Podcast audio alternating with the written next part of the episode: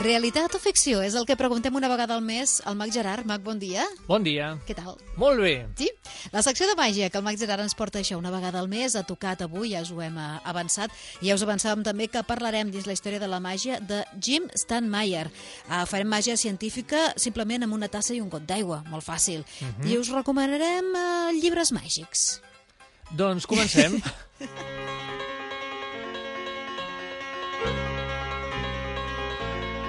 Avui, dins de la història de la màgia, us parlo del Jim... Com has dit? Steinmeier? Jo ho he dit així, però no tinc ni idea. bueno, jo sempre he dit l'Steinmeier, no? Però, però vaja, Doncs l'Steinmeier. Uh, realment és un, és, un, és un dels artistes o mags més, més importants de, de tota la història de la màgia. Us explicaré per què. Ell és un mag americà, eh, encara està viu i en actiu, també és escriptor, productor i dissenyador de grans il·lusions i efectes especials per teatres. És Sí. a dir, alguna, alguns del, de les grans il·lusions. Què són les grans il·lusions? Els Mm. jocs espectaculars que fa el, el Copperfield, no? de fer aparèixer persones, fer-les desaparèixer, volar, levitar, eh, fer aparèixer un elefant al mig d'un escenari envoltat de gent, coses així impossibles i de, molt, de molta espectacularitat. El Jim Steinmeier ha dissenyat moltes d'aquestes il·lusions clàssiques Però què vol dir que les ha dissenyat? que les ha creat. És a dir, que Ah, ell els- s'ha inventat el truc? Exacte. Ostres! Ell ha dissenyat els... els... Però que no eren del, del Copperfield, els trucs. No, el Copperfield els presenta i darrere té un equip de persones, Clar. en aquest cas seria el Jim Steinmeier, que eh, el que fa és crear les il·lusions, que ara ho anirem explicant una miqueta. Mare de Déu. Uh, aquest senyor el Jim ha escrit molts llibres uh, de la història de la màgia i està molt bé perquè veient què és el que havien fet els nostres antepassats podem uh, evolucionar en l'art de la màgia. Alguns dels més destacats de llibres. Un es diu Amagant l'elefant, en anglès Hiding the Elephant, i el, i el subtítol és molt maco perquè diu com els mags van inventar l'impossible i van aprendre a desaparèixer. Mm -hmm. O sigui, aquest és el títol de...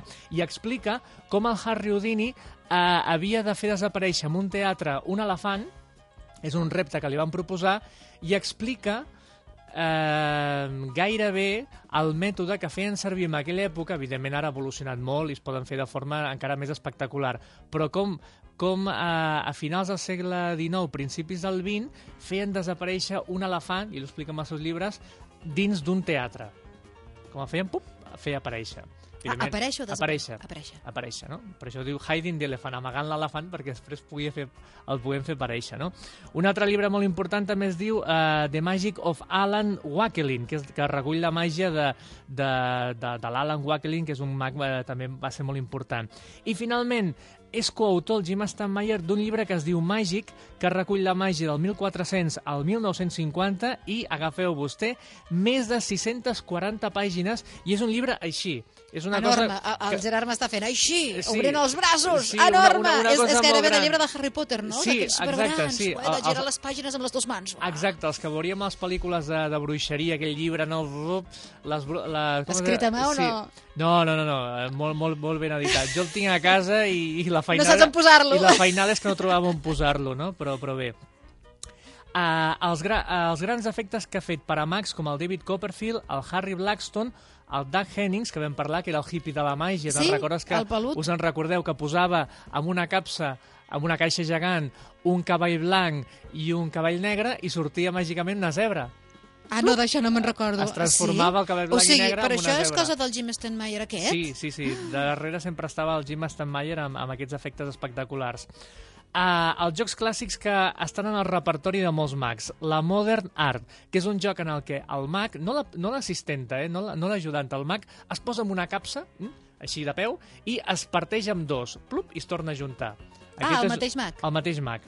Després hi ha l'origami, que és una capsa que es fa petita, posen a la noia dintre una capsa, la capsa es, plega i es fa molt petiteta, com si fos una mena de cub, i després, per dir, home, eh, a dintre deu estar plegada d'alguna manera, doncs no, agafen tres espases i atravessen la, el cub petit perquè vegis que la, la noia no hi és. Després, el cub el fan més gran, el despleguen i plup, surt la noia canviada de vestit. Tot això que estem explicant ho trobareu a jimstenmeyer.com Sí, i en fotografia de cada una d'aquestes exacte, les il·lusions il·lusions. que estem, que estem, que estem I explicant. estan totes, mira, jo no compte aquell fins no estan totes a, en fotografia, però Mhm. aquí n'hi ha, mm, a la pàgina n'inclou 113. Sí.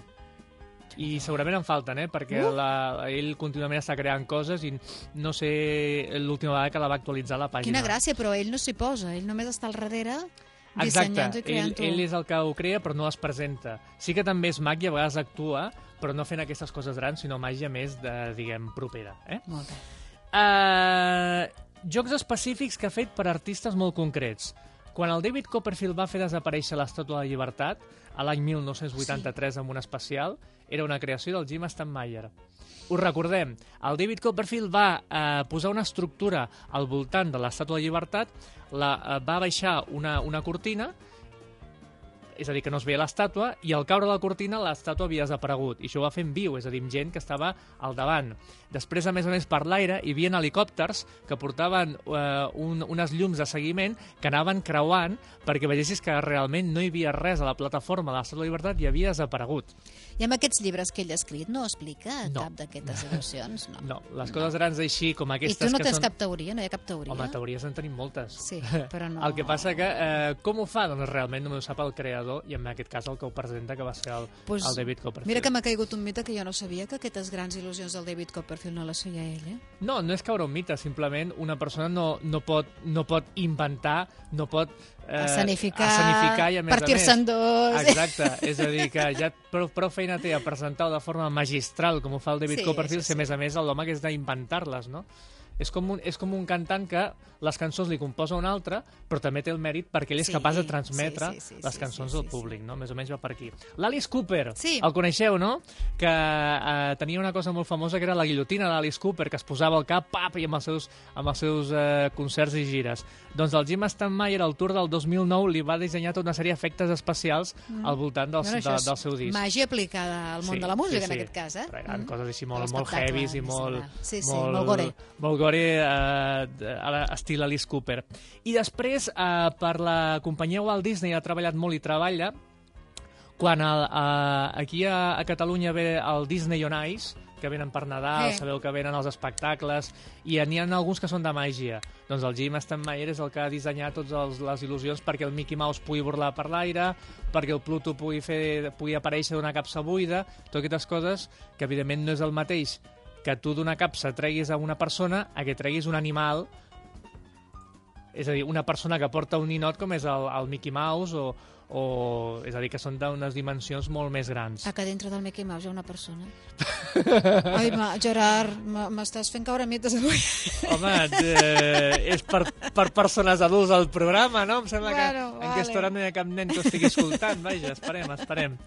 Eh, si voleu més informació, ja sabeu que aquest, aquest, eh, aquest apartat de Història de la Màgia ho fem conjuntament amb el mag Daniel Arbonés i amb el seu blog del Diari d'un Mag, que la, so, la seva web, la recordem, www.magia.cat, ha fet un especial del Jim Stanmeyer, especialment per per a la realitat o ficció, on ha posat vídeos del David Copperfield fent algunes d'aquestes grans il·lusions. Mm. Hi ha molt de, moltes fotografies inèdites que ell ha fet una recerca molt bona i només les podeu trobar en el seu blog, de manera que està molt, molt bé.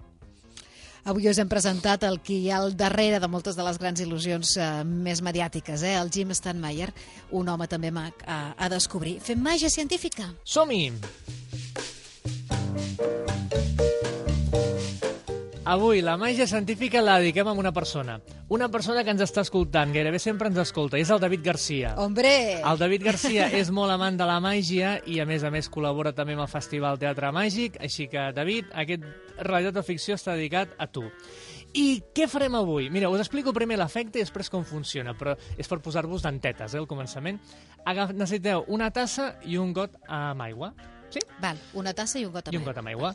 L'aigua es col·loca dintre la tassa, tut, et concentres i simplement el que fas és, molt lentament, donar-li la volta a la tassa i què passaria? Cauria tota l'ai- l'aigua. Doncs no, l'aigua s'haurà solidifi solidificat i s'haurà transformat en dos glaçons de gel. Uau! Gràcies al vostre poder sereu capaços de congelar l'aigua que està a l'interior d'una tassa. I això que sempre provoca els aplaudiments espontanis del públic quan ho feu, explicar... O les mirades estranyes les mirades de Lluís estranyes de dir, jo, de dir per què això diu? ho volem provar i fer-ho aquest cap de setmana a la família. Com es fa? Mireu, agafeu una tassa, una tassa que sigui, per exemple, ceràmica, com la que tenim damunt la taula. Eh? Sí. A dintre el que fareu és posar una esponja, una esponja petita, sí?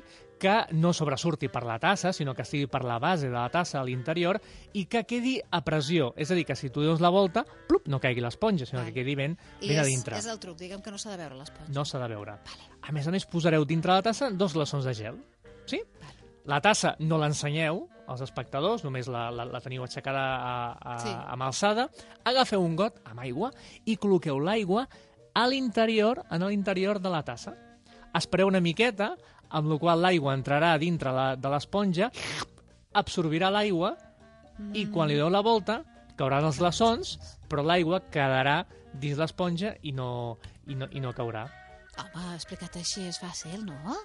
És eh? és l'absorció. efectiu, però si ho fas ben fet deu ser molt, molt Home, xocant, els no? meus primers bolos jo feia això, escolta'm, quan era petit i triomfava, eh? Escolta'm, Eres molt petitet! era, era molt petitet. I vols dir que no t'aplaudien perquè eres molt mono? Sí, tenia uns rinxos molt macos i també m'aplaudien per això. No, però però quan xulo, sortia, quan per nens, sortia el gel es quedaven de pasta de moniato i veureu com si ho feu també la gent es quedarà de pasta de moniato. Molt bé. Més recomanacions, vinga, a part de la màgia científica.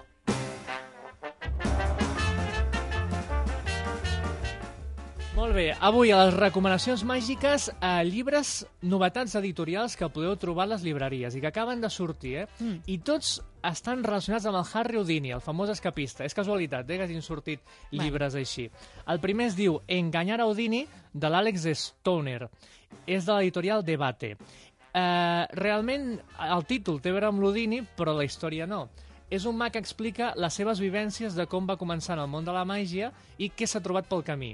Mm -hmm. És a dir, explica com eh, havia de visitar les tendes de màgia a Nova York per aprendre jocs, els prim les primeres actuacions que feia, com reaccionava la gent, com anava polint els seus, els seus efectes màgics. Està molt bé perquè és la, la, una, una vista interior de- de- d'un mag, no? És a dir, les coses que normalment no s'expliquen i sempre queden, sense explicar massa secrets, però tu veus una mica el dia a dia d'un mag que es guanya que Però és autobiogràfic. Sí, Molt bé. Exacte. Mhm, el que passa que bé. el títol ha posat Enganyar a Houdini perquè sempre té més més reclam, no? Un llibre que sí que va escriure l'Houdini i l'ha tret l'editorial Nòrdica Libros, que va treure al voltant de Sant Jordi, que es diu Traficantes de milagros i sus métodos, de. Harry Houdini. I està molt bé perquè eh, és un viatge de mà de l'Houdini per començaments del segle XX Hmm. i els famosos eh, espiritistes, que n'han parlat alguna vegada, que això avui en dia també existeix, eh? No espiritistes, però que t'adivinen el futur, que tu poses la tele a la nit i hi ha un munt de canals de senyors que t'adivinen coses i poden adivinar tot i no t'adivinen res. Doncs els, els, aquests estafadors d'avui en dia també existien llavors, el que passa que cobraven unes quantitats eh, realment grans a la gent rica, no? que es volien posar en contacte amb, el, amb gent que s'havia mort o qualsevol cosa, o sapigués si la seva empresa tin, eh, funcionaria, i ells utilitzaven alguns trucs, entre cometes, de màgia amb aquestes sessions espiritistes perquè la gent flipés i digués, home, aquest tio és molt bo, no? perquè m'està posant en contacte amb la meva mare I és tot molt... això ho explica i explica els mètodes que feien servir els estafadors Ah. en aquella època per poder treure els calés a la gent. I està molt bé com a, com a, com a, com a curiositat, no? És un llibre molt, molt interessant. I, finalment, uh, un còmic del Batman que acaba de sortir de l'editorial Otros Mundos que s'anomena El taller del Diablo i a l'Odini fa un cameo. Que I, i, I mira que són de dues èpoques diferents Sí. que no tenen res a veure. El Batman amb l'Houdini, que és a principis del segle XX. Doncs eh, fa un cameo l'Houdini amb la seva cambra de la tortura xinesa, que és, eh, és una cambra eh, de, de vidre que ell es posava lligat cap per avall, Sí. cobrien i al caure la cortina ell s'havia escapat de la Sí. cambra de tortura xinesa. Doncs fa un cameo amb el, amb el còmic del Batman que acaba de sortir i el podeu trobar també a, a El les taller del diablo. El taller del diablo. Que curiós, eh, aquesta última recomanació. Tenim, tenim per, tot, per tots Ja els veig. gustos. Doncs, eh, Gerard, Ens acomiadem. Només sabeu que eh, si voleu contractar algun espectacle a màgia, ara que hi ha moltes bodes, comunions i també eh, ajuntaments que preparen festes majors, a través de la web del Teatre Màgic, la recordem, www.teatremàgic.es, ens podeu enviar un correu i us farem arribar tota la informació disponible. gràcies, Gerard. A vosaltres, adeu!